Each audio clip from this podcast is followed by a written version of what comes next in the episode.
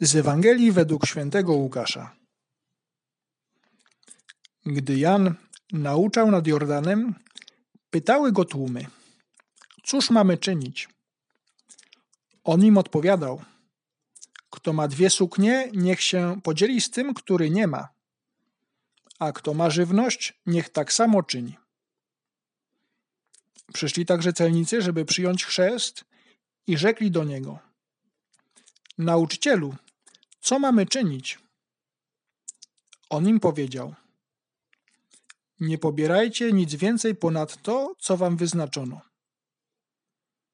Pytali go też i żołnierze: A my co mamy czynić? On im odpowiedział: Na nikim pieniędzy nie wymuszajcie i nikogo nie uciskajcie, lecz poprzestawajcie na waszym żołdzie. Gdy więc lud oczekiwał z napięciem i wszyscy snuli domysły w swych sercach co do Jana, czy nie jest Mesjaszem, on tak przemówił do wszystkich.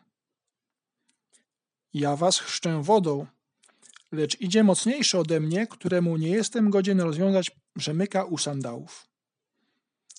On będzie was chrzcił duchem świętym i ogniem. Ma on wiejadło w ręku dla oczyszczenia swego omłotu.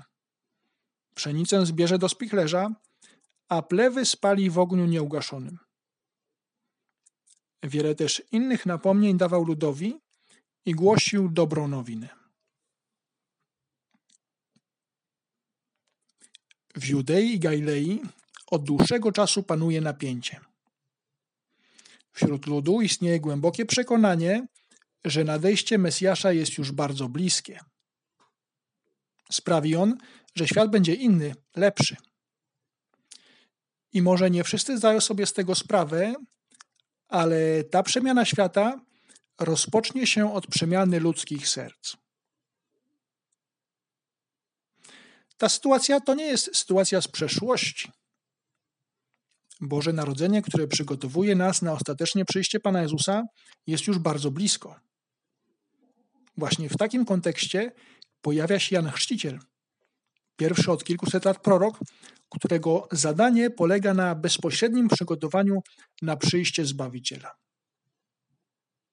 Kierują się do niego ludzie tacy jak my, którzy zadają mu pytanie bardzo właściwe dla tego momentu. Nauczycielu, co mamy czynić?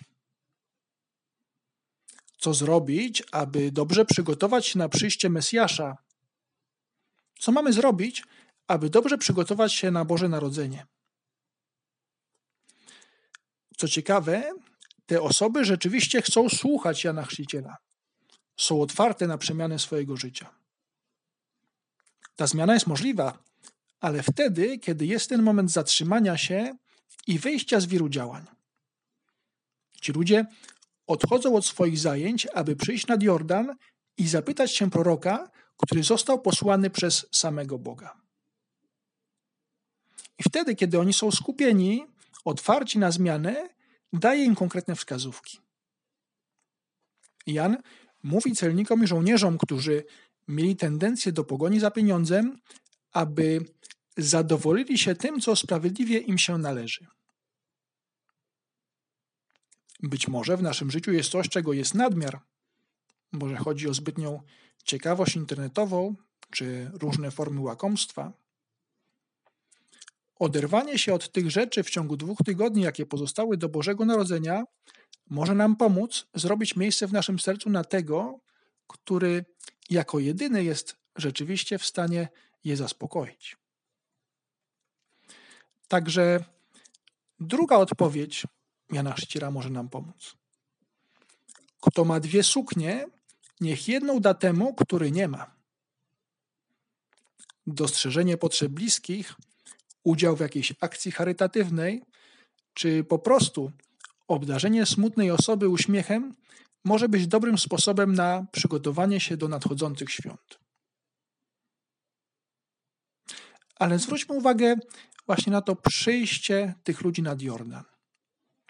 To oderwanie się od niepotrzebnych rzeczy czy spraw, czy zdanie sobie sprawy, że ktoś obok nas potrzebuje uśmiechu czy konkretnej pomocy, będzie możliwe, kiedy w naszym dniu nie zabraknie tych chwil zatrzymania, modlitwy, tego pójścia nad Jordan, aby usłyszeć głos wołającego na pustyni, aby popatrzeć na świat Bożymi oczami.